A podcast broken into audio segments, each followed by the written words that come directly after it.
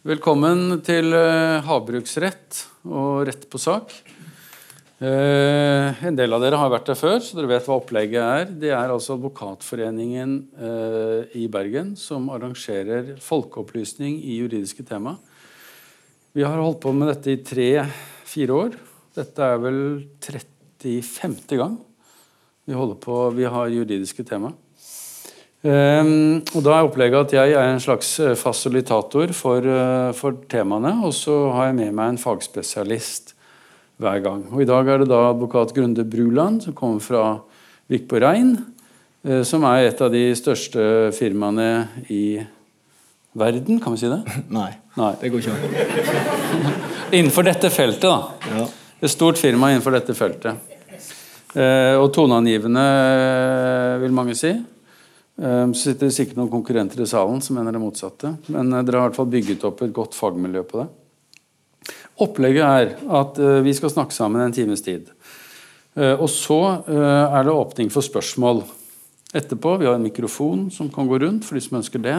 Og da kan man stille alle typer spørsmål, kommentarer, innspill. Og kommer det ingenting, så har vi mer på listen. Um, advokater som er her, de får etterutdannings timer som man må ha for å ha advokatbevilling. Og Da ligger det en liste der borte som man kan eh, skrive seg på. Gjelder det meg òg, da? Det gjelder deg òg. kan få en time ekstra. Ja. Um, Eller så blir dette også tatt opp på podkast. Um, stemmer det? Ja. Uh, og etter at Grunde og jeg har lest gjennom, eller hørt gjennom det etterpå, så blir det lagt ut på podkast. Eh, I går ble det lagt ut den, siste, den forrige vi hadde om konkurranserett. Den ligger nå ute på Littpod, så der kan man gå og hente podkastene. Eh, ellers så har vi besøk fra akvakulturstudenter fra Austevoll i dag. Det veldig spesiell velkommen til dere som har tatt turen helt hit. Det er kjempegøy. Eh, og det er jo de som skal ut på merkanten eh, om ikke lenge. Vi sitter her og bare kan eh, den store røde boken og, og, lovene. Så dette som vi skal gjøre i dag, det skal være like anvendelig for praktikere som skal ut i produksjon, som for på en måte advokater og alle som er interessert i, i dette temaet. Yes. Skal vi begynne helt sånn innledningsvis? Opplegget er jo at jeg har noen spørsmål som eh, Grunde sånn delvis vet om. Hans uh, spesialitet uh, skal jo da ikke være avhengig av et manus. Så han skal kunne ta ting på sparket. Uh, jeg sa ikke det på forhånd, men det går sikkert bra. Det går fint. Ja. det som jeg alltid pleier å begynne med, Grunde, det er jo liksom dette oversiktsbildet. Havbruksretten når jeg prøvde å sette meg inn i dette feltet, så, så kunne slå opp i den store røde boken og jeg kunne prøve å lese meg opp litt, men det er jo ikke noe etablert sånn tungt rettsområde liksom mange år tilbake. Det er ikke som strafferett eller erstatningsrett eller arverett, som vi liksom har hatt i 100 år. Så kan du gi oss et bare sånn oversiktsbilde om hva er egentlig havbruksretten? Ja, først av alt så vil jeg bare takke for invitasjonen. og eh, Veldig kjekt å få lov å være her. Og eh, spesielt at dere setter havbruksrett på dagsordenen. fordi at eh, eh, det er jo en viktig næring. Og vi eh, har jo petroleumsrett, og vi har vassdragsrett. Og hvorfor ikke havbruksrett? Så jeg har gått litt i bresjen, føler jeg, og prøvd å skape et miljø for dette fagfeltet. Så jeg setter stor pris på at dere setter det på dagsordenen her.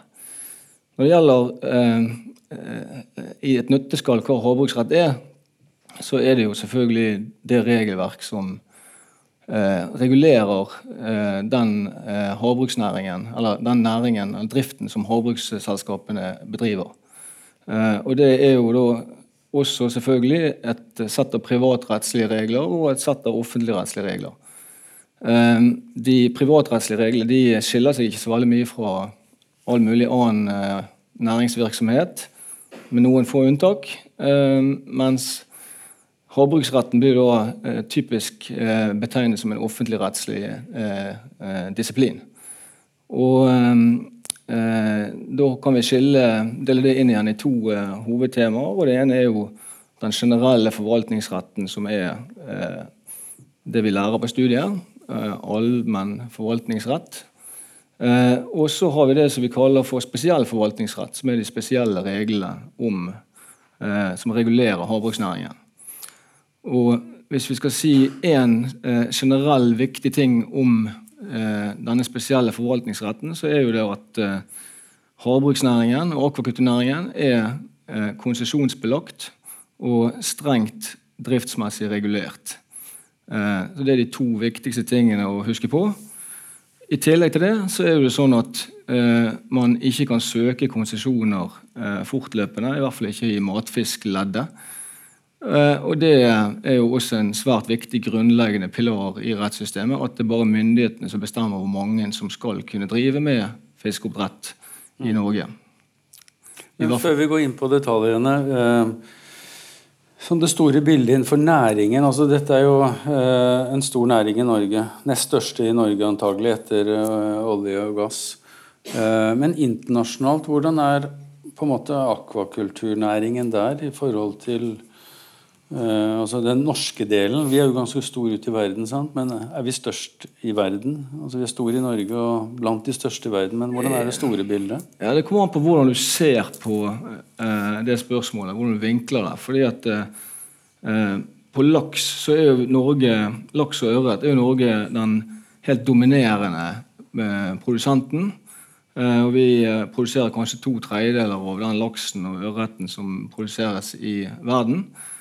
Eh, på den annen side så er laks og ørret utgjør omtrent bare eh, jeg tror det er 2 av verdens akvakulturproduksjon.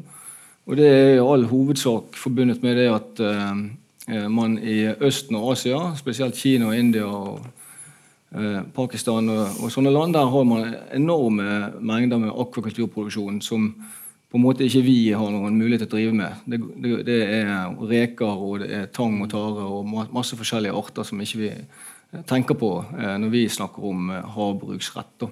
Mm. Eller havbruk. Eh, på den annen side så er jo Norge eh, den nest største eksportøren av sjømat.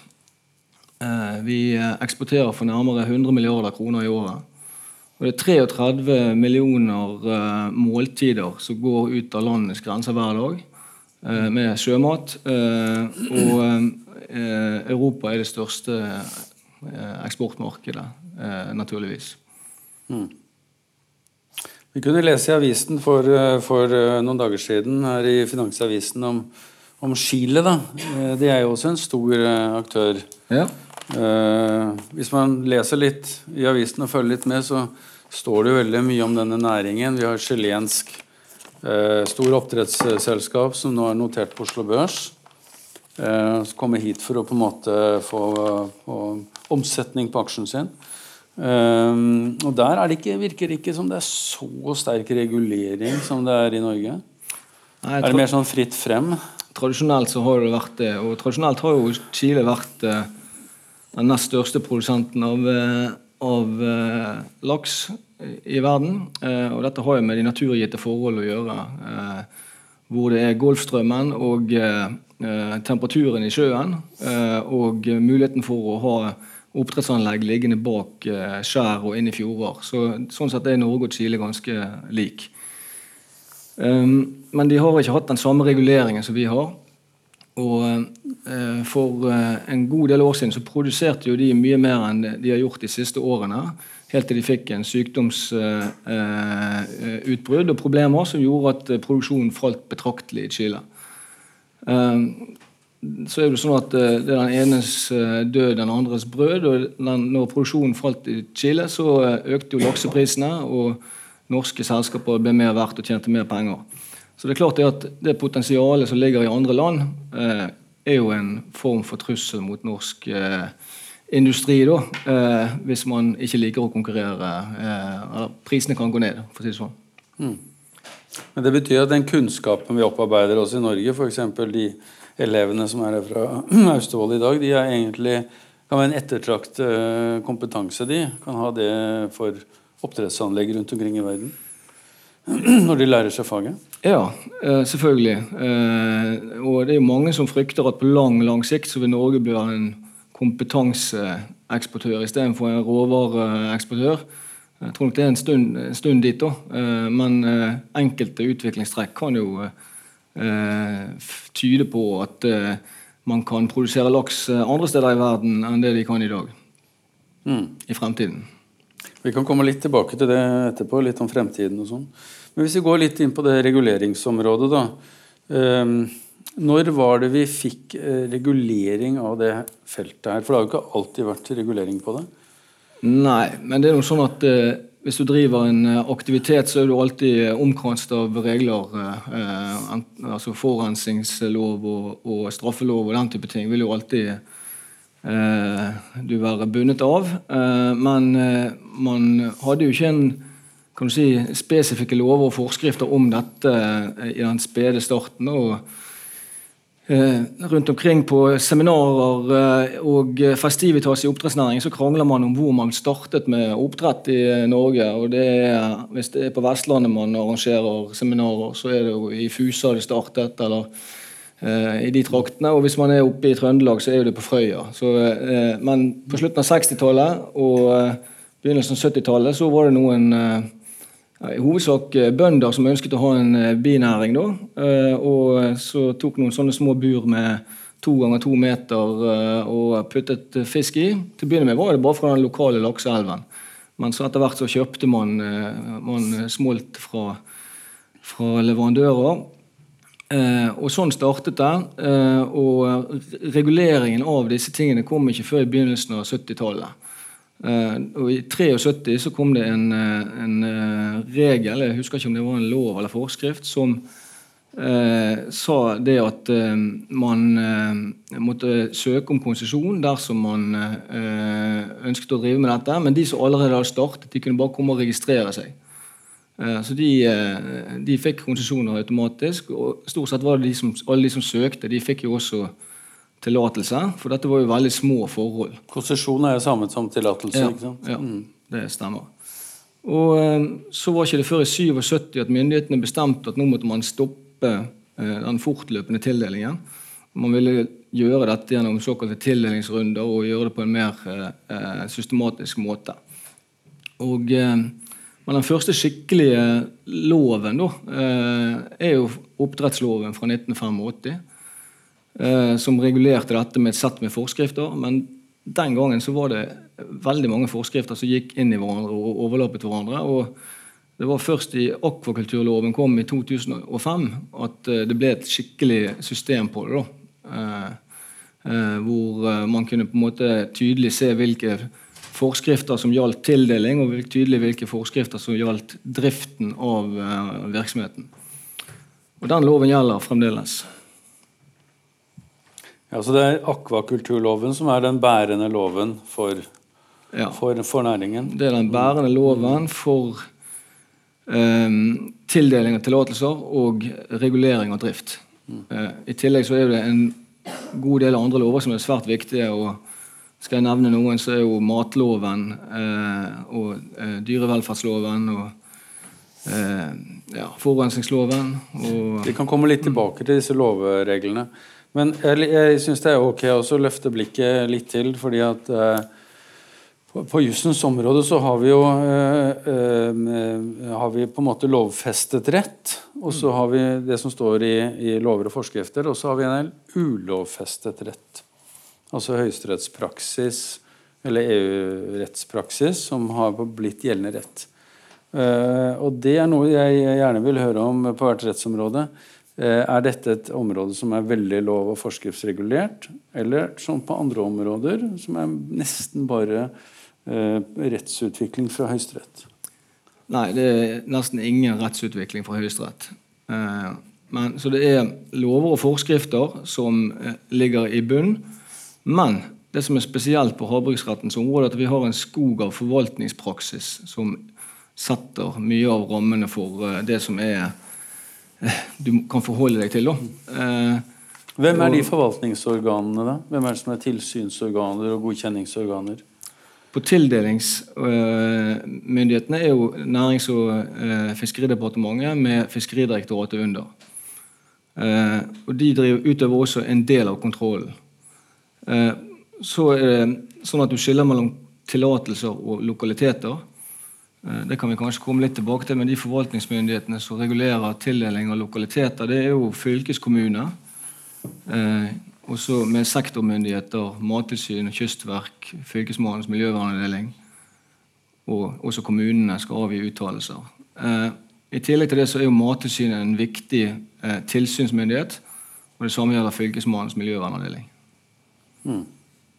Og da er jo uh, ofte sånn, Jeg husker selv når jeg jobbet i Justisdepartementet i sin tid, så, så skrev jo vi da merknader, og vi skrev utredninger, og vi skrev lovfortolkninger.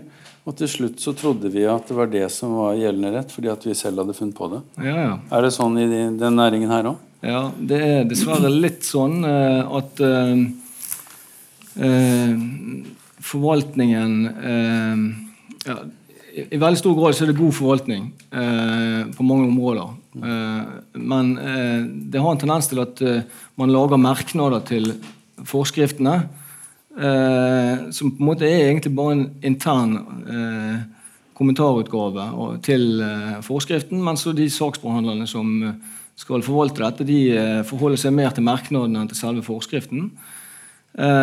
og så på enkelte områder så blir det sånn at uh, en ting er at man har rett, men man får ikke rett. Det er jo svært få som ønsker å gå til domstolene med en sak. Uh, og Da blir det sånn at man gjerne tilpasser seg litt den praksis som vi vet myndighetene har, selv om vi egentlig mener at forskriften åpner opp for noe annet. Mm. Så Det betyr at man bør, man bør, jo ikke bare avfinne seg med et eller annet svar fra Fiskeridirektoratet f.eks. Hvis, eh, hvis, man ikke kan selv naturlig ha en forståelse ut fra en forskrift eller en regulering at det er et riktig svar? Du trenger ikke være sikker på at det er det riktige svaret, men det er nok eh, som oftest det eh, svaret vil være i overensstemmelse med den praksis som myndighetene forholder seg til. Mm. Og De vil jo mene at det er det riktige svaret, men så er jo det sånn at eh, her er jo det et regelsett, og det kan forstås på ulike måter. Eh, og så er det jo sånn at når du har mange saksbehandlere Vi kaller det for ikke-jurister, men det er jo selvfølgelig for å utøve et forvaltningsskjønn så trenger du jo annen kompetanse enn å være jurist. Eh, du kan være biolog eller veterinær eller, eller uh, hva det måtte være for å utøve det forvaltningsskjønnet du skal gjøre. Men så er det jo ofte sånn at du utøver jo et rettsanvendelsesskjønn allikevel. Uh, og da skal du vurdere et faktum opp mot en regel og prøve å se om det faktumet faktisk passerer den terskelen som skal passere. Og det er jo egentlig eh, juristenes oppgave. Eh, men det vil være umulig i norsk forvaltning å ha jurister til å være inne og kontrollere alle forvaltningsvedtak, så det er selvfølgelig eh, ikke mulig. Men det, det, gir et lite sånn perspektiv over hvor eh, nyansert det bildet er. da. Men altså, før vi, vi må avslutte det, det prinsipielle der. men men jeg, jeg, tenker i hvert fall at um, uh, man skal ikke nødvendigvis avfinne seg med alt man får fra den type tilsynsmyndigheter og sånn. Og at det er verdt å noen ganger ta opp kampen. Og det er verdt å bruke sine bransjeorganisasjoner eksempel, til å ta opp kampen. Og det er verdt å skrive brev i avisen og til uh, komiteen i Stortinget. Og, og selv om det høres veldig sånn stort og, og, vanskelig ut, så er det vanlige folk som sitter på andre siden òg. Det er det. Mm. Og vi har eh, eksempler på eh, selskaper som har tatt eh, eh forvaltningsvedtak innenfor domstolene og vunnet frem. Eh, og vi har eksempler på eh, selskaper som har tatt et forvaltningsvedtak og begjært omgjøring inn til Nærings- og fiskeridepartementet og vunnet frem. Eh, så det er fullt mulig. Og eh, det, sitter gode jurister i Nærings- og fiskeridepartementet også som eh, kan overprøve vedtak lenger nedover i systemet. Mm. Men ok, Da har vi fått litt sånn det store bildet. Da, da, må vi gå litt mer inn på regelverket. Og Er det sånn at det er da regler helt fra på en måte smolten, og kanskje lenge før smolten, til, til fisken er på middagsbordet til en amerikaner? Ja, det er jo Er det regler hele veien, liksom? Det er jo, det er jo til, det, til dels riktig det du sier. I hvert fall alt som har med den eh, eh, matproduksjonen å gjøre, altså når du har med levende organismer å gjøre, alt fra rognkornet til eh, slaktebenken, er jo strengt regulert. For det har jo med mat, eh, fiskehelse og Nei, matsikkerhet og mattrygghet og fiskehelse å gjøre. Så der er det streng regulering hele veien der. Når du har slaktet fisken og skal bearbeide den eller selge den eller eksportere den eller transportere den, så er det selvfølgelig andre regler som kommer til anvendelse. Men det minner jo mye mer om det generelle eh, regelverket eh, for eh, all næringsvirksomhet. Men tilbake til dette med, med tillatelse for å drive da, eh, starte oppdrett. Mm. Kan, eh, du sa at det var fritt på en måte tidligere, mer og mer regulert. Hva skal til for å få en sånn tillatelse? Jeg har lyst til å starte opp ute i Fanafjorden. Ja, Eh, du må først eh, eh, skille mellom det som går på landbasert lakseoppdrett eller fiskeoppdrett, og sjøbasert fiskeoppdrett. Skal du produsere laks i sjø, såkalt matfiskproduksjon, så er det antallsbegrenset. Så du kan ikke bare søke. Søknaden vil bli avvist eh, hvis du bare legger inn en Fordi at myndighetene har satt et visst antall, maks antall? Ja, myndighetene har satt et antall, og de bestemmer når de skal dele ut nye konsesjoner og på hvilken måte den tilbudskonkurransen skal være.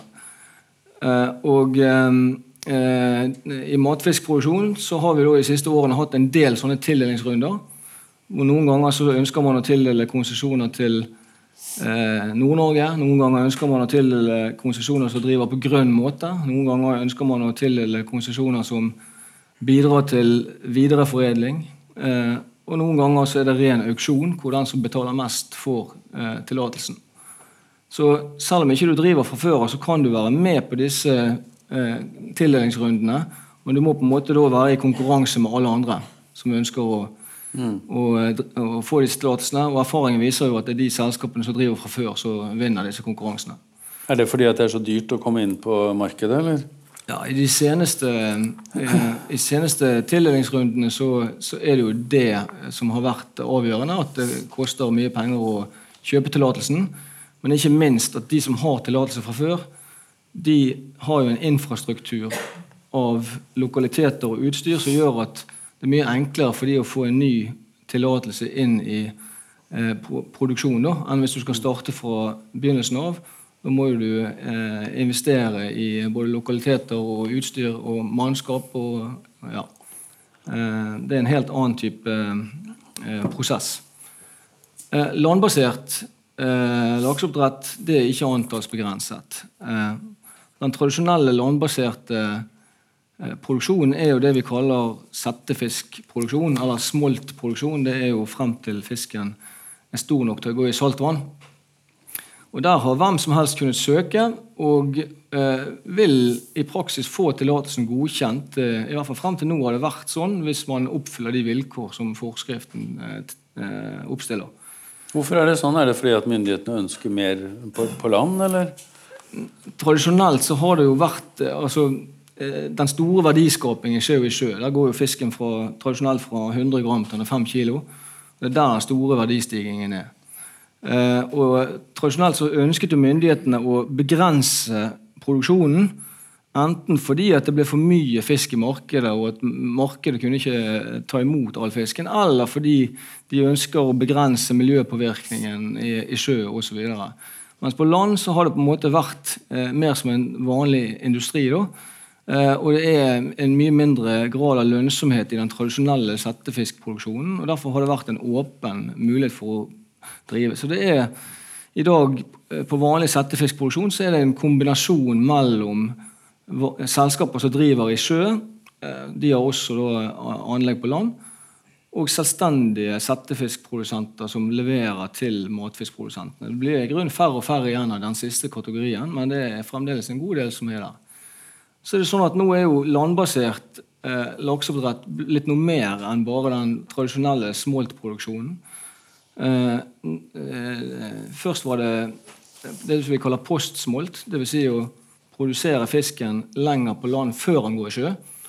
Det kan ha mange fordeler som vi kan gå inn på hvis du ønsker det. Men eh, nå i senere tid så eh, er det også blitt aktuelt med landbasert matfiskproduksjon. Eh, og det er også fritt frem til å søke på uten noen antallsbegrensning.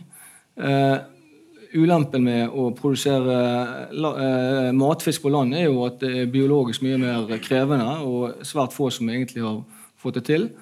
Og det er også veldig kapitalkrevende, fordi at du må jo ha sjøvann på land på et eller annet tidspunkt eh, for å tilfredsstille laksen sin eh, naturlige levemåte. Du må pumpe opp sjøvann fra 100 meters dype eller noe sånt og få det inn i anlegget? Ja, istedenfor å bare bruke Golfstrømmen og la ting ordne seg sjøl. Men, eh, men eh, siden vi kom, da kan vi komme litt inn på dette med, med trender. For vi ser jo internasjonalt at det er jo virksomheter som forsøker seg på helt landbasert eh, anlegg. Helt matfiskanlegg. Mm. Med, med resirkulering av vann og hente vann fra grunnvann osv. Ja da, mine gode venner fra Villa Selmen-tiden har jo eh, startet et selskap og fått eh, amerikanske investorer i ganske stor eh, utstrekning til å være med på et prosjekt i Florida. Eh, det heter Atlantic Sapphire, tror jeg det heter. Og de eh, satser stort. Eh, de har ennå ikke produsert noe eh, laks, så vidt jeg er bekjent, men de har et svært anlegg på gang og har finansiell tyngde til å få det til. Og De tror jeg henter sjøvann fra en eller annen form for eh, grunnvannsbrønn eller et eller annet som gjør at de enklere får får tak i det. da, Istedenfor å måtte pumpe det fra, fra, sjøen, så har de en eller annen trykkløsning som gjør at det der ordner seg bedre. Jeg vet ikke detaljene, men spennende blir det i hvert fall å se om de får det til. Hva med, hva med disse som jobber med forskning på lukkede anlegg i sjø? da? Vi har sett det til Egget, f.eks., som mm. Marine Harvest, som har har det, og andre har samme type eh, teknologi.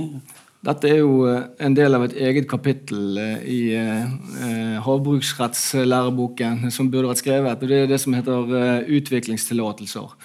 Det er jo en, en egen kategori tillatelser som myndighetene innførte nå for et par år siden.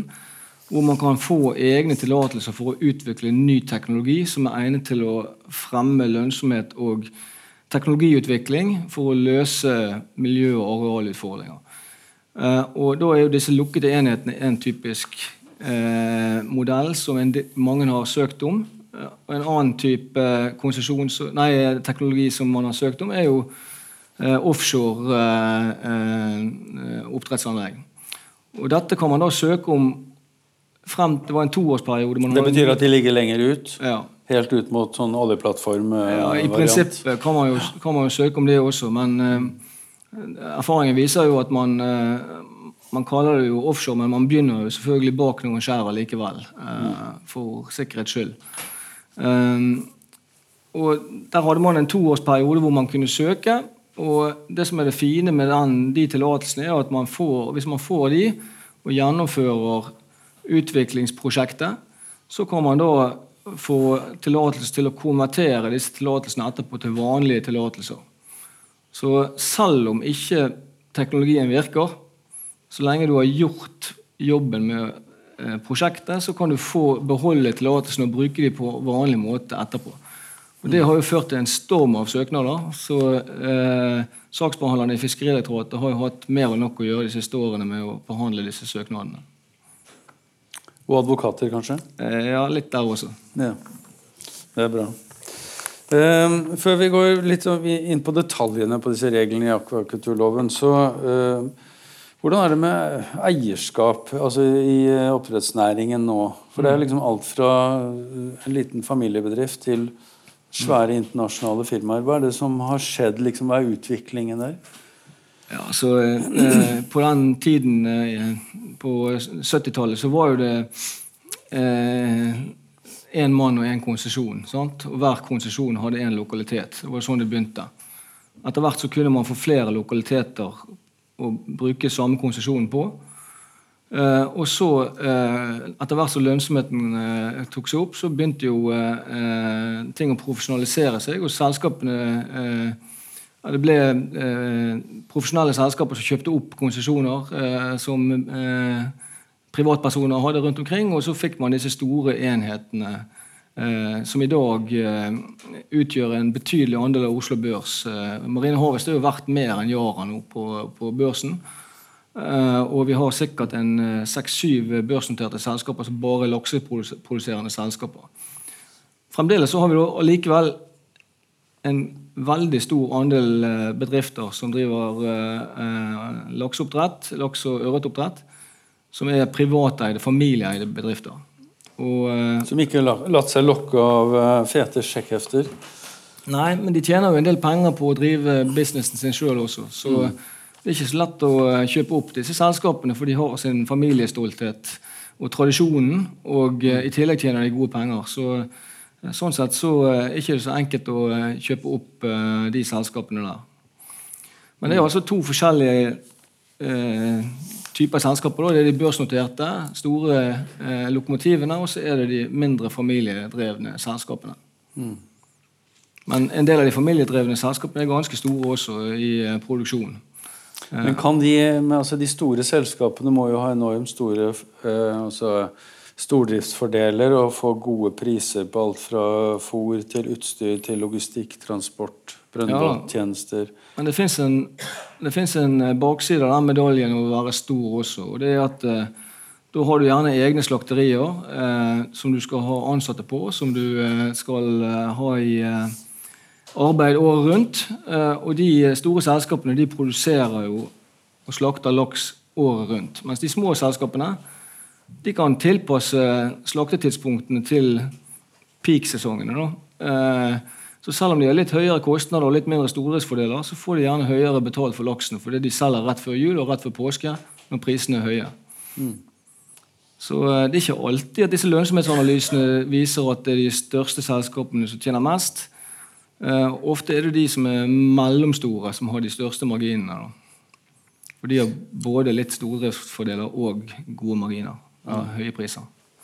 Men hvis man, hvis man skal kjøpe en konsesjon, da det kommer en finansiell investor og vil kjøpe en konsesjon fra et eh, mindre firma, uh, er du, har det utviklet seg en eh, prismodell, prisliste, for hva en konsesjon er verdt? Ja da, det er klart det. Eh, Det er ikke så mange tillatelser som selges på det åpne markedet i dag, men myndighetene har jo nettopp eh, hatt auksjon på tillatelser, og der gikk de dyreste tillatelsene for 193 millioner kroner, tror jeg det var. Eh, Hvor mye kan du produsere på én tillatelse da? Da kan du ha 780 tonn fisk stående i sjø hvis du er i Sør-Norge, og 900 tonn hvis du er i Nord-Norge, til enhver tid. Men selv om du har bare 780 tonn stående i sjø til enhver tid, så kan du produsere mer enn det. For du høster av den eh, kapitalen du har stående i sjø til enhver tid. Så du kan gjerne produsere 1200 tonn da, eh, på et år eh, på én sånn konsesjon. Men det er klart hvis du skal kjøpe den konsesjonen og starte for deg sjøl, så er jo lønnsomheten for deg mye mindre. For du må jo ta hele investeringen med å kjøpe utstyr og lokaliteter. Og i tillegg til det så kan du ikke dele opp produksjonen på flere områder, for det er altfor lite. Mens de som eh, har konsesjon fra før, de eh, har eh, stordriftsfordeler og muligheter for å, å få, mye større lønnsomhet enn en som skal starte helt med én konsesjon. Så Derfor så er det ikke så lett å bare si at jeg går inn og kjøper en, en tillatelse. Ja, nei, altså det, det er vel mange lokale som har um, tjent noen gode kroner i, i starten der. De som har solgt seg ut relativt tidlig. Ja, og relativt seint. Det er veldig mange som fikk eh, gratistillatelser fra starten av, og som eh, har eh, eh, solgt bedriftene sine opp gjennom tidene som var godt betalt. Eh, hvorav konsesjonsverdiene utgjør en eh, god andel av det de har, har solgt. Men sånn er det nå. eh, Og det er også sånn at de har overlevd og gjort en god jobb med å få bedriften til å gå bra. Så det er ikke dermed sagt at det er ufortjent at de ikke tjener penger på det de driver med. Mm. La oss gå litt nærmere inn på den uh, akvakulturloven. Eh, jeg syns det er uh, ok av og til å lese en formålsparagraf. Eh, for veldig mye, og det glemmer ofte til og med jurister å gjøre. For veldig mye av, av eh, saksbehandling og, og vurderinger, juridiske vurderinger som gjøres, gjøres ofte i lys av formålsparagrafen i loven. Og jeg leste innledningsvis, Du har jo laget en sånn lovsamling. Eh, Vikborg Rein sin eh, akvakulturlovsamling. Materialsamling. Materialsamling. Men det står altså i akvakulturloven loven skal fremme akvakulturnæringens lønnsomhet og konkurransekraft innenfor rammene av en bærekraftig utvikling og bidra til verdiskaping på kysten. Det er sånn eh, ja takk, begge deler-type. Eh, men jeg syns det var veldig interessant. Jeg har ikke sett denne type formål før. At formålet med loven er altså å fremme næringens lønnsomhet. Det er litt spesielt. Ja, og det er ikke alltid at uh, de som sitter på, i forvaltningen, husker på uh, akkurat den siden av formålsparagrafen. De er veldig opptatt av innenfor rammen av en bærekraftig utvikling. Ja. Men eh, formålsparagrafen her viser jo det spennet som egentlig gjør hele dette området så veldig interessant. Og det er jo at du har På den ene siden så har du disse enorme, den enorme verdiskapingen og betydningen for norsk økonomi. Eh, produserer mat, eh, sunn mat, på en miljømessig god måte i utgangspunktet. Men på den annen side så har du da eh, alle disse eh, utfordringene eh, som bremser utviklingen og eh, veksten. Og det er jo miljøutfordringer i første rekke. Hva sier lovgivningen om miljøutfordringene? Uh, du skal ikke lenger bak enn uh, til paragraf 8 eller noe sånt. Så forstår du at du, uh, akvakulturvirksomhet skal drives på en miljømessig bærekraftig måte. Eller miljømessig forsvarlig måte. Så det er relativt sentralt i akvakulturloven, det også. Hva betyr det i praksis? I praksis så betyr det at du har detaljerte forskrifter som sier hvilke miljøfotavtrykk næringen kan eh, gi. Og Skal jeg gi noen stikkord, så er jo det eh, forurensning av eh, den lokaliteten du driver, med, driver på. Eh, rømming og eh, lakselus. Det er jo de tre viktigste eh, miljøparametrene som næringen regulerer seg ut av. Mm. Men ta et eksempel. da, ja. Så står det i forskriften at du skal ikke ha mer enn 0,5 kjønnsmodne hunnlus på hver fisk i gjennomsnitt til enhver tid. Mm. Så, eh, så, detaljert står det altså. Ja. Men hvis vi tar de, Der nevnte du tre. Du nevnte lus, og så nevnte du rømming, og så nevnte du da Utslipp, utslipp av næringsholter og forurensning. Ja. Altså, Bæsj. Ja. Fiskebæsj. ja. ja. Laksebæsj. Og fôroverskudd, eller fôrrester. Fôroverskudd, ja. Men hvis vi, tenker, hvis vi tar én ting om gangen altså du sa, eh, Hvis vi tar det med da bæsjen, holdt jeg på å si Du sa næringssalter. Ja. Eh, gjødsel heter det i landbruket. Gjødsel heter det i landbruket, ja. Men da kan du putte det i en gjødselbinge. Ja, ja. Og, og bruke det, til... det utover jordet. sant? Ja. ja.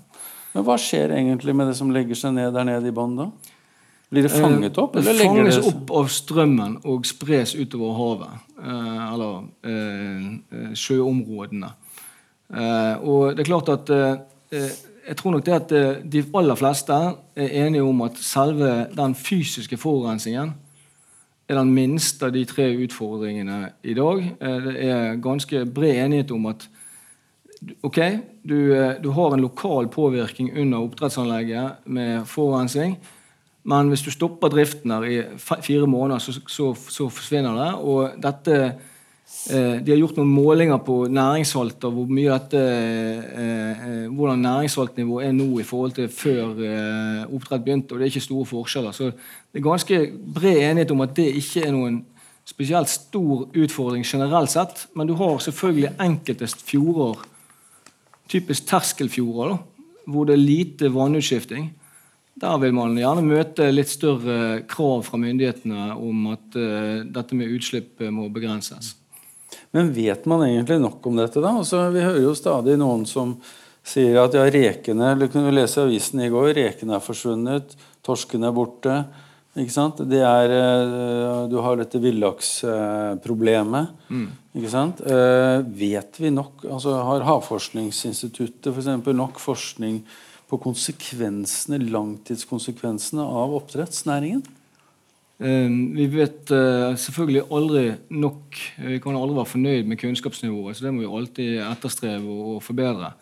Eh, men eh, det er litt, litt nyanser i de eksemplene du nevner. fordi at dette med rekefelt og de tingene der, det går jo på eh, kjemikaliebruk som er, er til eh, behandling av fisk. Så det går ikke på selve produksjonen og, eh, og fòrrester og de tingene der. Det går på spesielle eh, medikamenter som brukes på, på fisken. Og, eh, og, der strides de lærde i hvilken grad det har en negativ påvirkning på, på rekebestand og den type ting. Det som er viktig å huske på, er at du har også en et viktig regulering i form av areal, arealforvaltning. Og Der har jo myndighetene eh, og kommuner som lager eh, kystsoneplaner, og fylkeskommuner som tildeler lokaliteter, har jo en, en viktig rolle i å, å, å, tillate lokaliteter der hvor det er lite annen næringsvirksomhet. Eh, og hvis du er midt i et mm. eh, torskegytefelt eller et reketrålfelt, så vil man normalt ikke få lov til å etablere anlegg eh, på sånne steder. Mm. Nei, Nå skal ikke vi snakke så mye politikk og heller ikke fiskeribiologi, egentlig, men nå er vi jo på, på jussens område. Men det vi kan i hvert fall vite, og det som alle som jobber med den næringen må vite, er jo at det er ganske kraftig regulering. Helt ned på, på forskriftsnivå. Ja. Og på, også sånne detaljer.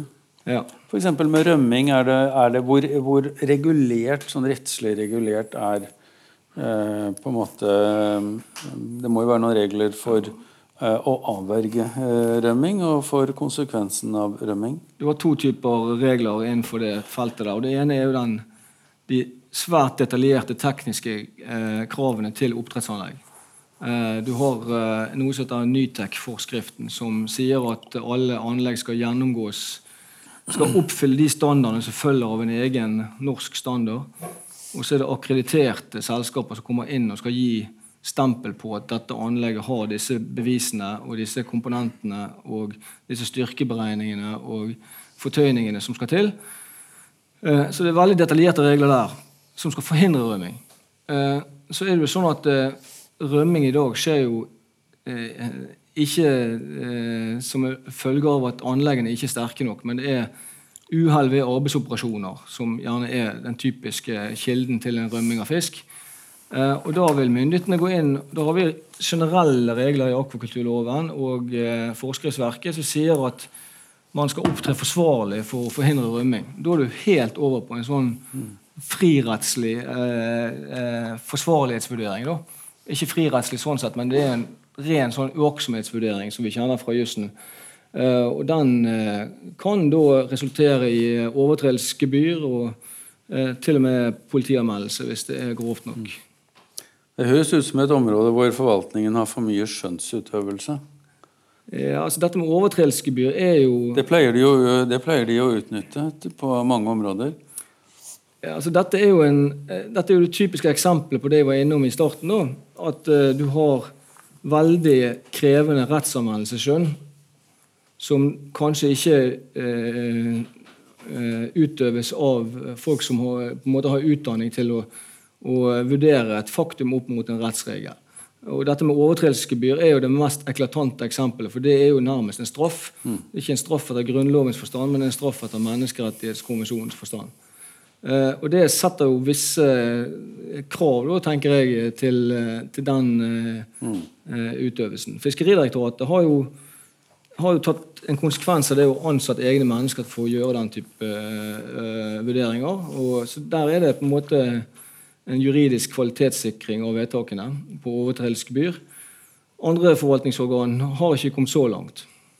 Men hva er, hva er konsekvensene, da? Altså, hva er sanksjonene ved overtredelse etter akvakulturloven eller de andre lovene? Ja, så eh, Det er jo eh, sånn som ellers innenfor forvaltningsretten at du, du kan få eh, et pålegg om å, om å eh, utbedre forholdet. Og så kan du få en tvangsmulkt hvis ikke du oppfyller innenfor en viss frist.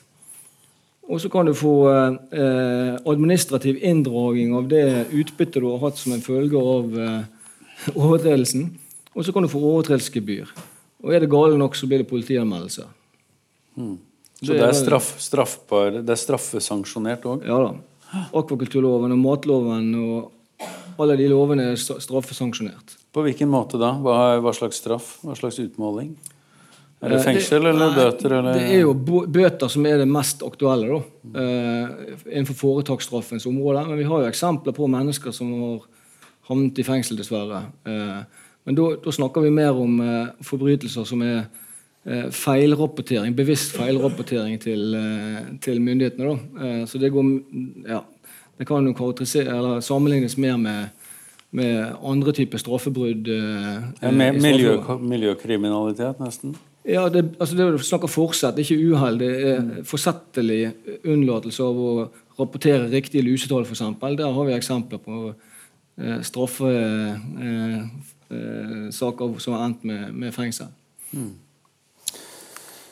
Du snakket om dette med arealutnyttelse. Ja. Og da, da, eh, har jeg lest om dette grunnrente, eller hva det heter for noe. Ja. Uh, hva er altså at myndighet eller noen vil at oppdrettsnæringen skal få ytterligere skatte, eh, skattebelastning på seg. Mm. Hva går det på? Ressursrente. Det det. Ja. Eh, Hva går det på? Det finnes mennesker som kan mer om det enn meg, men, men dette er bare på, eh, på forsøksstadiet, eller på forslagsstadiet på myndighetene. Så dette er en arbeidsgruppe som er nedsatt for å utrede disse tingene her. Men vi har jo lignende eksempler innenfor uh, olje og uh, vannkraft, så vidt jeg vet også. Tanken her er at hvis en næring har en eh, Det er to betingelser som er oppfylt eh, sånn eh, legislativt. Det ene er at du har en superprofitt. Lovmessig, som det heter på, på vanlig ja, språk? eller Lovgiver vil ikke ilegge en, en sånn ekstra skatt med mindre følgende vilkår er oppfylt. og Det ene er at næringen har en superprofitt, og at den profitten skyldes utnyttelse av fellesskapets naturressurser. Uh, og Det er det dette, dette, utvalget skal vurdere nå, om, uh, om havbruksnæringen har den type uh, superprofitt, og om de utnytter allmennhetens naturressurser. Jeg kan jo bare si hva som på en måte vil være den vanskelige vurderingen akkurat der, sånn som jeg ser det, eller tror. Det er jo at i motsetning til de som fisker fisk i havet, og høster av de naturressursene som er i havet, så vil jo en eh, fiskeoppdretter eh, komme med sin egen fisk og sette den i vannet og fòre den opp og så ta den ut igjen etterpå. Så det er på en måte hans eiendom mm. fra starten av. Mm. Eh, sånn sett er det urimelig å bli pålagt en ekstra skatt. Ja, men du utnytter jo eh, eh naturen da, eh, og arealet. og du setter et miljøfotavtrykk. Så det er jo der langs de langs de eh, eh, parametrene den diskusjonen vil, vil gå, da, antar jeg. Mm. Eh, så vil jo mange si at det finnes mange andre næringsaktiviteter som også utnytter areal og setter fotavtrykk. Men det er jo en annen diskusjon. Mm. Men det er klart, altså det, det er jo noe spesielt med, med denne superprofitten som, eh, som, næringen kan ta ut. Når, uh, altså når, når, verden er sulten på, på fisk, og, og, det er begrensninger på antall konsesjoner. Du sa jo at det er jo egentlig ikke det er jo ikke fritt frem å få en konsesjon. Det er veldig strengt regulert, og egentlig er det ikke rom for flere. Kanskje. Ja, det... Og da, da, øker jo på en måte profittnivået hele tiden. Altså etterspørselen øker. Det er jo ingenting som er så galt at det ikke er godt for noe. Sant? At uh, du har et lokk på hvor stor produksjonen skal være pga. miljøhensyn det er fair. Det får jo den betydning at så lenge ingen andre land klarer å, å, konkurrere med oss på dette området, så vil det gi med økende etterspørsel fra verdens befolkning, så gir det høy pris på laks. Og dermed profitt. Men så, så, mener jo noen da at det, øh, det, burde vært mye strengere regulering av, av dette med lakselus, f.eks mye strengere regulering eller mye større eh, mulighet for eller mye større krav til å utvikle ny teknologi og ny innovasjon for å uh, begrense all den skadelige effekten næringen har. Ja. Um, Dette kan jo reguleres, ikke sant? Ja. Nå er det sånn at det utvikles veldig mye teknologi, og det forskes veldig mye. Uh, uh, så skal vi på en måte vente til den teknologien er klar, så må vi nesten stoppe å produsere laks i Norge. Eh, eller redusere det betraktelig. Det er selvfølgelig et politisk eh, eh, vurderingstema. Men jeg tror ikke du kan ha en forskrift som sier at det skal forskes og, og utøves mer teknologiutprøving. Vi må heller gjøre sånn som myndighetene har gjort i dag, og legge til rette for at det skjer. Tror jeg. Og det har de gjort gjennom disse utviklingstillatelsene. og det investeres jo eh, milliarder av kroner i ny teknologi eh, rundt omkring i landet, og mer vil det bli når denne tildelingsrunden er ferdig. Mm. Eh, det er noe som jeg har eh, hørt heter trafikklysreglene. eller noe ja. sånt. Hva er det det går ut på? Ja, Det er jo en megatrend eh, innenfor havbruksretten, da, hvis vi har lov til å si det. Og eh, det er at Myndighetene har nå delt landet inn i 13 soner. Eh, produksjonsområder, så kaller vi det. Og Der skal da miljøavtrykket skal måles i hver av disse produksjonssonene. Og Da gir man myndighetene et trafikklys, og de som da er i rød sone, de eh, kan risikere å få redusert tillatelsene sine. De som er i gul sone, skal da få eh, lov til å bli stående, mens de som er i grønn sone, blir tilbudt vekst. Eh, og de miljøparametere som de har lagt til grunn nå, det er jo eh, lakseoppdrett eh, sin påvirkning på villaks gjennom lakselus. Så i de sonene hvor eh, man kommer til at oppdrettsnæringen påvirker villaksen negativt over en viss terskel, så vil det bli røde trafikklys og reduserte eh, konsesjonsnivåer. Det er i hvert fall det som er sagt. Og disse 193 millioner kroner som jeg nevnte tidligere, det var jo gjennom en sånn uh, auksjonsrunde eh, som myndighetene hadde i de grønne områdene hvor det ble tilbudt vekst. Eh, fordi at man hadde lavt påvirkning på villaks gjennom lakselus i de områdene. Så dette er ganske nytt, og dette er regjeringens Eh, beskjed til næringen og miljømyndighetene om at vi ønsker å eh, ha bærekraftig vekst. Men eh, hvordan, eh, hvordan, måler man dette? Altså, det er klart I noen eh, elver eh, så vil man kanskje måle at villaksen har gått ned, eller den har blitt syk, eller ikke sant, sånne ting. Man, hvem er det som dokumenterer dette? Ja, det der er jo uh, egnet for et eget foredrag. Uh, men det er så at, så komplisert at myndighetene har nedsatt en ekspertgruppe som består av en rekke offentlige og private institusjoner som er eksperter på biologi og, og det som måtte være nødvendig. Og så gir de en innstilling på dette. Og det gjennomføres en rekke sånne målinger eh, av lusenivået på villaksen når han eh, går ut fra elvene. Det som er ulempen med systemet, da, er jo at eh, påvirkningen eh, på villaks gjennom lakselus eh, er ikke bare avhengig av hvor mye lus det er i oppdrettsmerdene. Det har også en sammenheng med hvor langt denne fisken må svømme fra den innerste fjorden og ut til havet.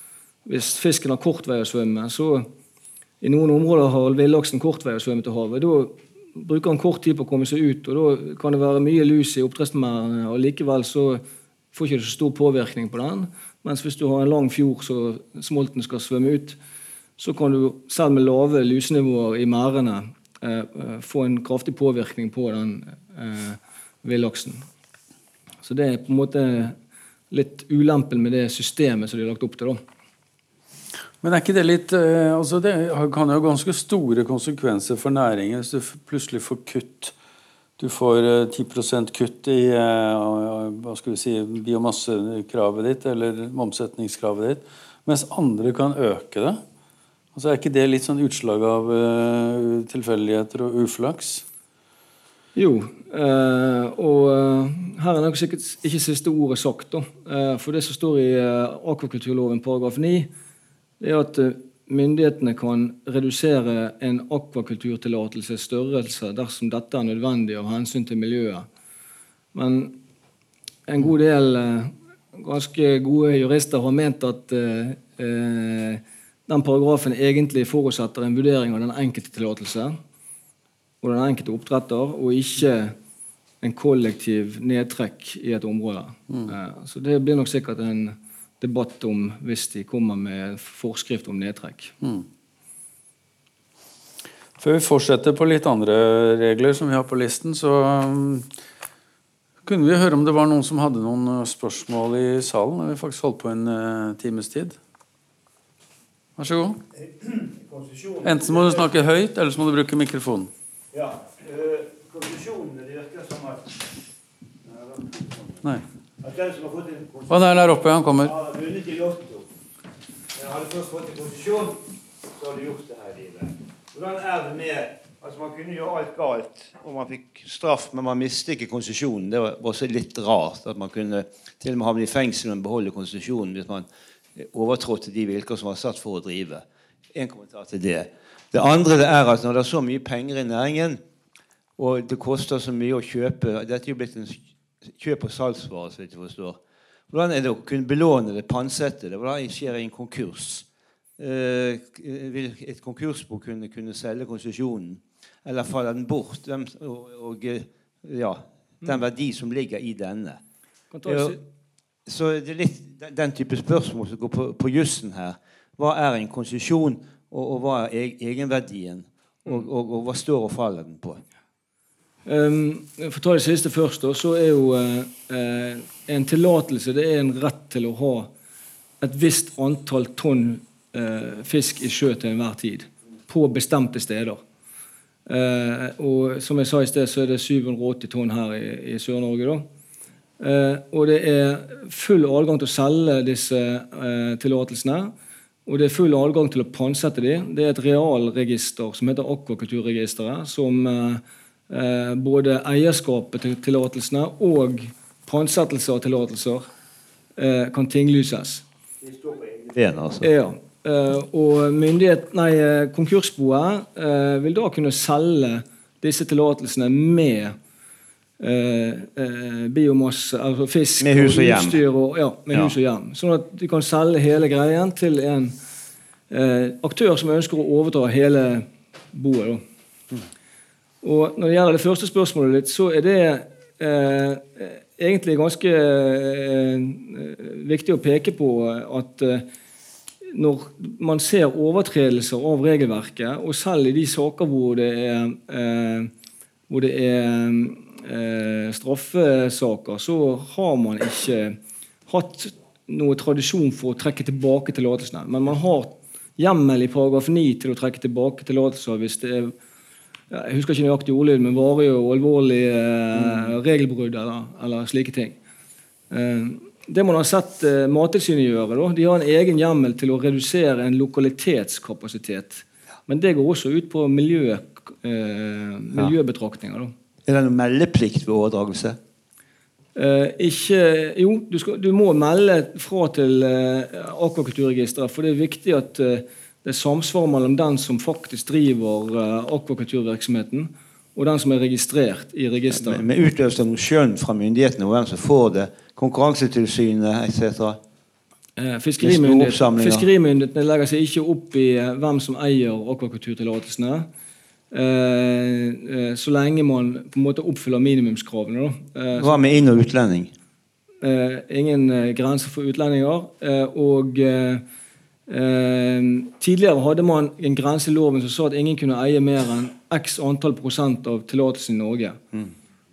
der var det noen gode kolleger av meg som eh, argumenterte eh, for EU-myndighetene og eh, vant frem med at eh, den type eh, regler var i strid med EU-regelverket. Og de reglene er forsvunnet nå. Så nå er det ikke noen sånne type grenser. Vi har eh, utelukkende konkurransemyndighetene som kan sette grenser for oppkjøp på vanlig måte. Ja takk. Flott. Flere spørsmål? Ja. Jeg tenker Det var veldig mange gode spørsmål her fra Morten, men eh, tid snakker ikke dere om. En gang til. Tid. Altså tidsbegrensning. Nei, en akvakulturtillatelse er, er evigvarende. Eh, bortsett fra de tillatelser som du får til eh, altså de såkalte særtillatelsene, som er forskningstillatelser og undervisningstillatelser og fremvisningstillatelser og den type ting. De settes det en tidsramme på. Torben? Altså, De er vel egentlig ikke evigvarende, de er vel mer tidsubegrenset. Ja. Eh, fordi at Man vet jo ikke hvordan fremtidige regjeringer vil se på spørsmålet om å trekke tilbake den retten. Eh, og Det var veldig interessant det dere har sagt her, men det er to hvis jeg kan få anledning til to spørsmål. To juridiske eh, hva skal man si, eh, regler som har, som, har, som har, spilt en veldig stor rolle for utviklingen av havbruksnæringen. Den ene er et kansellipromemoria så langt tilbake som 1791 da de fastsatte grensen i sjø til to meter, eller så langt en hest kunne vade. Og Det førte jo til at all sjø utenfor og all sjøbønn utenfor ble eh, allemannseie. I Storbritannia har de en annen regel. Der eier dronningen alt som ingen andre eier. I vår eh, område så, så, er det på en måte Da var det en okkupasjonsrett. Og Det samme gjaldt på Færøyene, men ikke på Island. Eh, så var det én regel til, og det er det at van, eh, den alminnelige tollsatsen for laks er 12 tror jeg, og 18% for bearbeidet. Den ble suspendert i 60-årene på amerikansk initiativ, for de ønsket å åpne opp adgang for Alaska-laksen sin til det europeiske markedet, og begrenset ikke det til sine, men tok også med salmosalar. Det tror jeg de angret på Eh, etter en stund. for Bare noen år etterpå kom jo oppdrettsnæringen i gang. Og det er vel noen som mener at eh, det er for å beskytte den Atlantic Sapphire. Så er det noen som forsøker å lobbye i Washington for å få gjeninnført de gamle reglene. Det var eh, advokat Foss, som da jobber i PwC, og da er en gammel ringrev i dette, denne bransjen også. Det er et spørsmål. Eh, du snakker om tids, eh, eller ubegrenset i tid. og så Du kalte det tidsubegrenset. Altså, betyr det at en fremtidig regjering som vil endre vilkårene, kan f.eks. Eh, inndra konsesjoner, sette en, en grense i en tidsbegrensning, altså innføre en tidsbegrensning, slik at man kan få enten en avvikling eller en hjemfallsrett, eller hva, hva du vil kalle det. Så i, i politikk er jo det meste mulig. Uh, men eh, det som står i loven, da, det er at eh, de kan trekke tilbake til akvakulturtillatelsen dersom det er nødvendig av hensyn til miljøet, dersom vesentlige forutsetninger som ligger til grunn for tillatelsen blir endret, eller ved grov og gjentatt overtredelse av bestemmelser. Så du har, en, du har en lovhjemmel her som gir muligheter til å trekke inn, men på visse betingelser. da. Eh, og så eh, vet vi jo det at hvis eh, staten først eh, mener at noe er nødvendig, så så er det litt å kjempe mot vindmøller og, og protestere, men det er nå et regelsett her som ligger til, til bunn uansett. Men la oss ikke ta de forskene på forskudd. Nei, sorgene på forskudd, mener jeg. Eh, hva sa jeg? Forskuddene på forskudd? Skal ikke ta forskningen på forskudd. Så ja, ikke ta sorgene på forskudd. Eh, vi må litt tilbake, hvis det ikke var noen flere spørsmål. Det var en der. Det var ett spørsmål. Um, uh, ja, jeg jobber for Seasmart, og vi jobber med miljøovervåking. Og uh, Det som jeg ser, er det at uh, akvakulturdriftforskriften beskriver en del krav til hva som skal overvåkes. Og så det jeg finner på anleggene, er egentlig noe annet. Så jeg opplever at dette ikke egentlig blir håndhevet. I hvert fall ikke gjort sånn som det beskrives. Eh, kan du kommentere det, og kanskje si hvem som eventuelt skulle ha håndhevet det? Ja, altså Det er jo forskriftskrav på hva man skal måle og eh, rapportere. Typisk lus er jo, lusenivåer er jo noe som man har krav til å rapportere. og Jeg har jo inntrykk av at det gjøres samvittighetsfullt. Eh, når det gjelder miljøovervåking, så er det typisk eh, at man må gjennomføre såkalte MOMB-undersøkelser etter og annethvert utsett og den type ting. Eh, der er det nok sikkert sånn at det kan være muligheter for å få dispensasjon og, og, slike ting, som gjør at det ikke alltid blir fulgt opp like aktivt som det man kanskje har hatt krav på. Jeg kjenner ikke detaljene i hvordan det der praktiseres, men det er i hvert fall ganske eh, klart beskrevet hva, hva, man plikter å gjøre. Da. Og Ofte får man jo krav i tillatelsen også. Når man får en lokalitet tildelt, så vil man få vilkår om at man ja, du får lov å starte her, men etter første produksjonssyklus så skal du rapportere inn den og den miljøundersøkelsen. Eh, og eh, det er klart det at det kan eh, være, være eh, mulig å glemme. Eh, og så får man ikke det på bordet før man får et tilsyn. Eh, og det har nok skjedd ved flere anledninger. Men det er noe sånn at man i utgangspunktet da skal oppfylle de vilkårene som står i lokalitetstildelingen. og Gjør man ikke det, så kan man miste den lokaliteten i verste fall. Hmm. Eh, bare en oppfølging på samme tema, men Er det noe endring på trappene i forhold til det som handler om rapportering?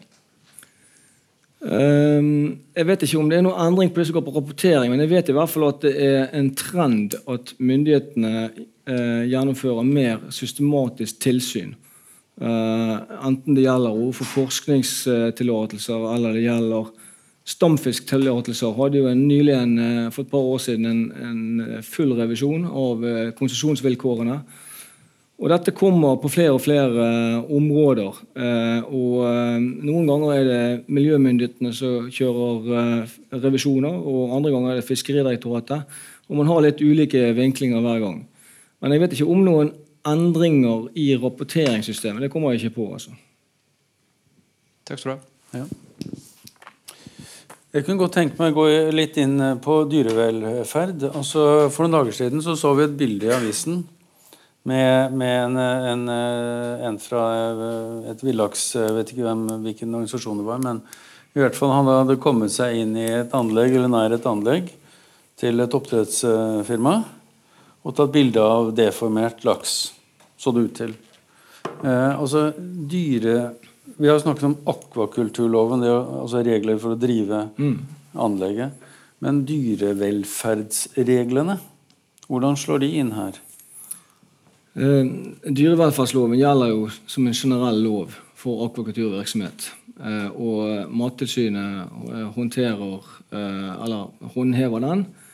Og der er noen faneparagrafer der. som Dette er jo en lov som gjelder all eh, matproduksjon, eller dyrehold. Eh, Gris, gris og ja, ja, alt. Ja. Og eh, det fins ikke noen eh, så veldig utpregede detaljregler om dyrevelferd på fisk, bortsett fra det som er i akvakulturdriftforskriften, som er på en måte de vanlige driftsmessige regler om at fisken skal få nok oksygen, og man skal få nok fôr, og man skal behandles forsvarlig. Så disse reglene er generelle, og det går på Eh, at man plikter å behandle fisken som alle andre dyr på en forsvarlig måte og sikre fiskevelferd eh, og fiskehelse, som vi eh, kaller det i akvakulturnæringen. Og Mattilsynet er en veldig ivrig håndhever av den loven også overfor akvakulturvirksomheter.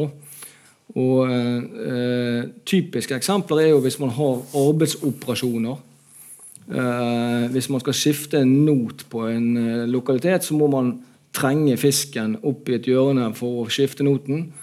Uh, hvis den fisken da ikke er på en måte frisk, eller han er svak på noen måte, eller har nettopp kommet i sjø eller ikke tilvendt sjøvann, så vil han ha større problemer med å tåle den belastningen. Og Da kan Mattilsynet komme inn og si at her eh, ønsker jeg å se hva vurderinger dere gjorde før dere satte i gang denne eh, eh, prosedyren, og om dette er i nei, denne arbeidsoperasjonen, om dette er i samsvar med de prosedyrer som, som eh, firmaet har. Men må de søke opp på forhånd? Sånn at det kommer en eh, veterinær fra Mattilsynet og undersøker? Nei. Eh, det er oppdretters ansvar å gjennomføre den forsvarlighetsvurderingen, og så får man en overprøving av myndighetene etterpå hvis noe går galt, om man har opptrådt forsvarlig eller ikke. Mm. Unntaket det er jo eh, bruk av eh, medisiner. Eh, da må jo en veterinær eller fiskehelsebiolog eh, skrive ut resept på den behandlingen, selvfølgelig, som alle andre. Medisinbruk. Ja, så Det er jo litt sånn paradoks det der, for du ser jo noen ganger at tusenvis av, av fisk som har eh, dødd i en eller annen operasjon, om det er i forbindelse med en brønnbåtsak, eller om det er en, en, en, sånn som du nevner. Men, men, det slår meg jo at en oppdretter må jo være mest interessert selv i å holde de i live. Ja, Svinn er jo det, det verste tapet. Eller det, det, sikreste måten å tape penger på er jo svinn.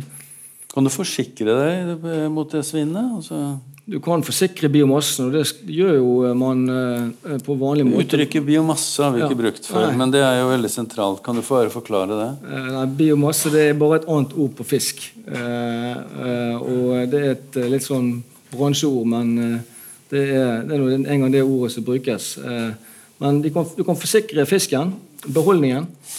Eh, men den forsikringen gir ikke så veldig god utbetaling. For det første så får du bare dekket kostprisen, du får ikke dekket fortjenesten.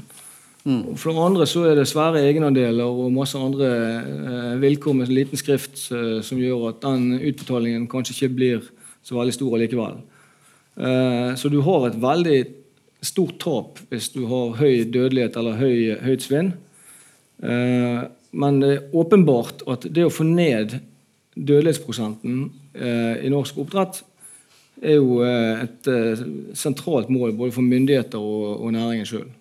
Eh, på den annen side, sammenligner man med andre typer eh, matproduksjon, så eh, er det kanskje ikke så mye høyere dødelighet enn mange andre eh, storfe eller, eh, eller gris eller hva det er. Jeg har ikke sett de statistikkene, men at det er et mål å få ned den eh, svinnet og dødeligheten, det er helt åpenbart. Er det noen andre altså Da har vi snakket om akvakulturreglene. Og det er selvfølgelig en drøss med forskrifter. Har jeg nå sett i, i boken din, annet.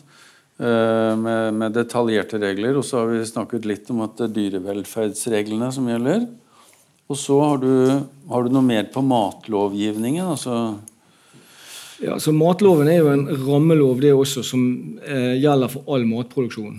Eh, eh, og eh, sånn at Det er jo forskriftene til matloven.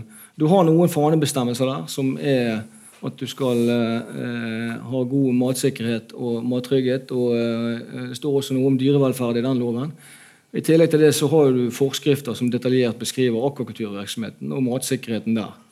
Eh, og eh, eh, eh, dette håndhever jo Mattilsynet. Eh, men akkurat det som går på matsikkerhet overfor forbrukere, det er på en måte et litt annet tema. Da. Matloven og dyrevelferdsloven som vi kommer borti, det er jo typisk i selve produksjonen, som går på fiskehelse og fiskens helse, ikke matsikkerhet overfor forbrukerne. Eh, men, eh, Sånn som regulering av fôr, altså hvordan fôret er satt sammen. Er det en del av matlovgivningen? Ja, det finnes ganske detaljerte regler for hva eh, fôret kan inneholde. Eh, og eh, de reglene kan ikke så detaljert eh, som jeg kanskje burde kunne. Men eh, eh, jeg vet i hvert fall det at eh, det er en stor debatt om eh, eh, de, som er, de som er kritiske til eh, oppdrettsnæringen på et mer sånn globalt perspektiv. De sier jo at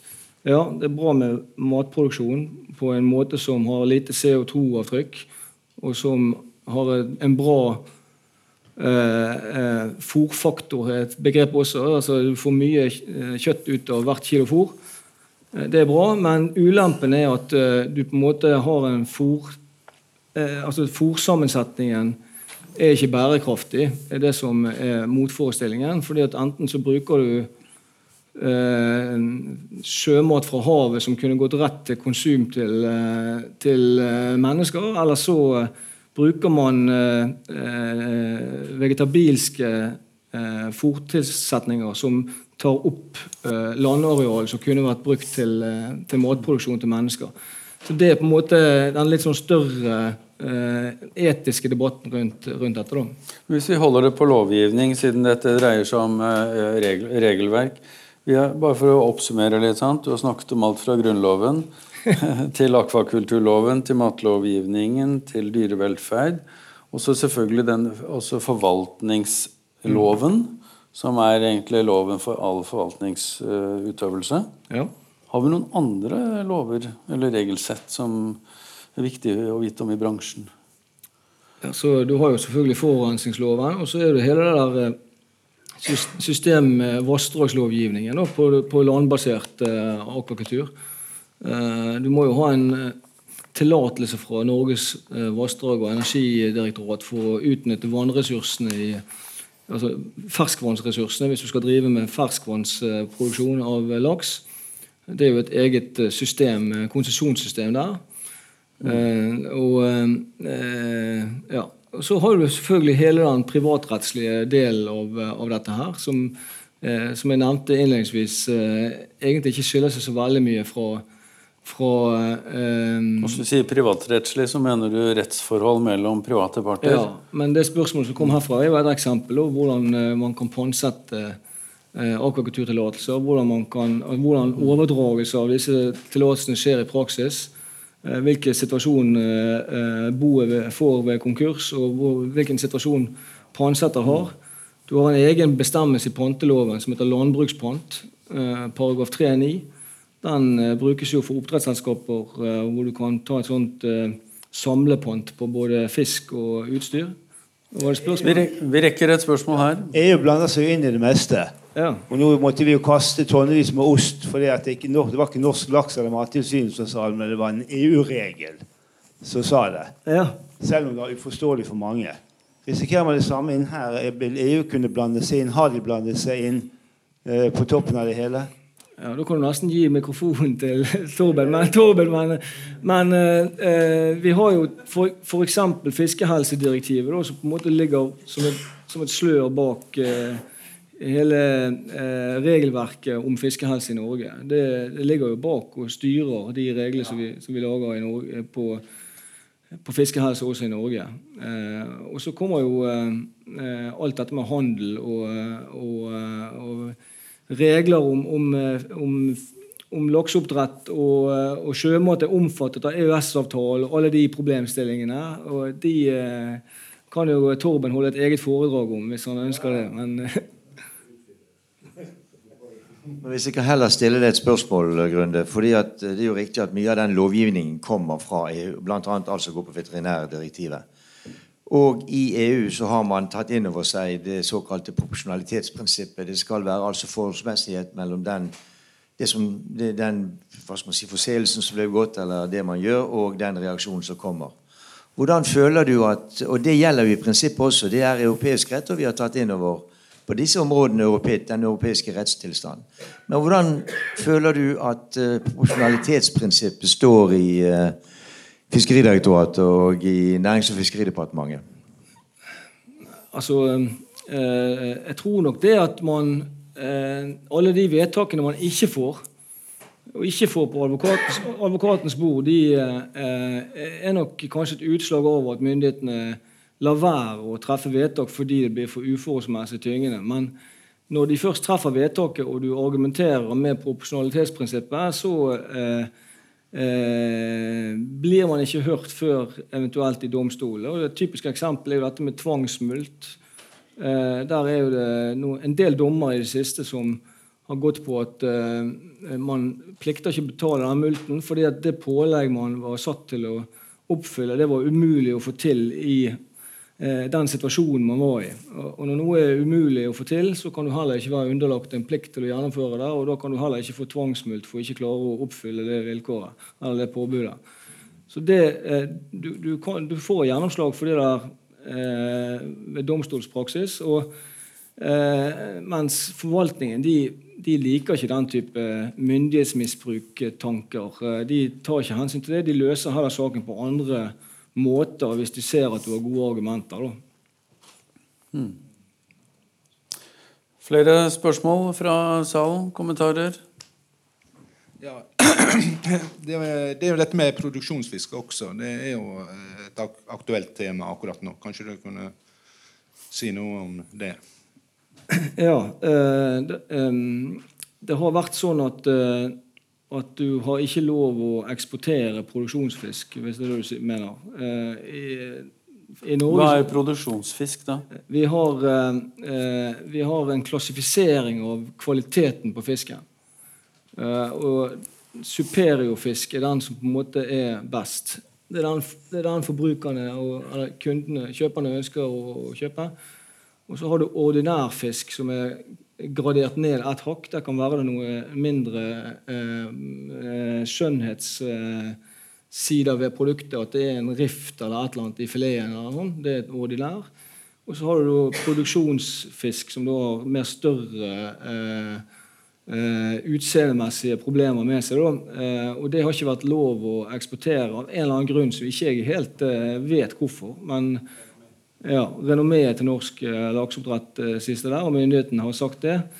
Eh, og så har det i siste tid vært en debatt om eh, hvorvidt det er, er riktig at det skal være sånn eller ikke. Og det er klart at Den superiorfisken den gir jo eh, en bedre pris. Eh, normalt sett så får du noen kroner mindre for ordinær, og så får du enda noen kroner mindre per kilo for produksjonsfisk. Eh, men da vil jo den fisken brukes i Norge istedenfor. da. så det er jo riset bak speilet. Han går ikke til fôr, altså? Det kan han gjøre, men eh, med de lakseprisene så er så selv en produksjonsfisk vil jo være eh, godt å selge, selge ut eh, til matproduksjon allikevel, altså. Til tross for sine skjønnhetsmangler. Ja, da begynner vi å nærme oss slutten. Var det noen desperate hender i været? Så synes ikke å være. Det var det en, en hånd der, ja. Flott. Ja, det er veldig kjapt. Eh, Hvordan er det med dette med å kunne bli stilt til ansvar hvis du er en oppdretter som har hatt rømming f.eks.? Er det sånn at hvis du oppfyller et visst krav, så kan du ikke bli stilt til ansvar med mindre du har handlet, eh, handlet grovt uaktsomt? Eller kan du bli stilt til ansvar for erstatning, eller at du må fiske opp rømningsvirksomhet? Altså, eh, det er jo to typer ansvar du kan tenke deg. Det ene er jo arbeidsgiverens eh, sanksjoner overfor deg som ansatt. eh, og Det følger jo vanlige arbeidsmiljølovregler. Men hvis du ser fra myndighetene sin side, så vil jo svært liten grad eh, privatpersoner eh, bli sanksjonert. Det er selskapene som får sanksjonene.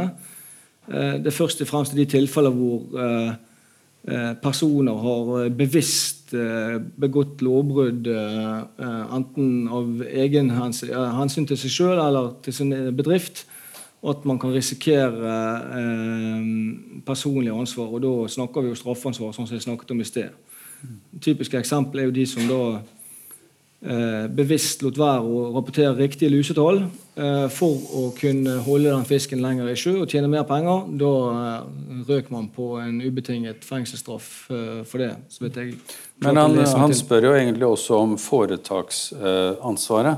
Ja. Altså om bedriften, anlegget, kan bli ansvarlig for f.eks. rømming. Kan virksomheten bli pålagt å, å fiske opp igjen rømt laks? Ja, det blir man jo eh, Uavhengig av om man er skyld i, i det, så kan man jo få et sånn, uh, en sånn pålegg.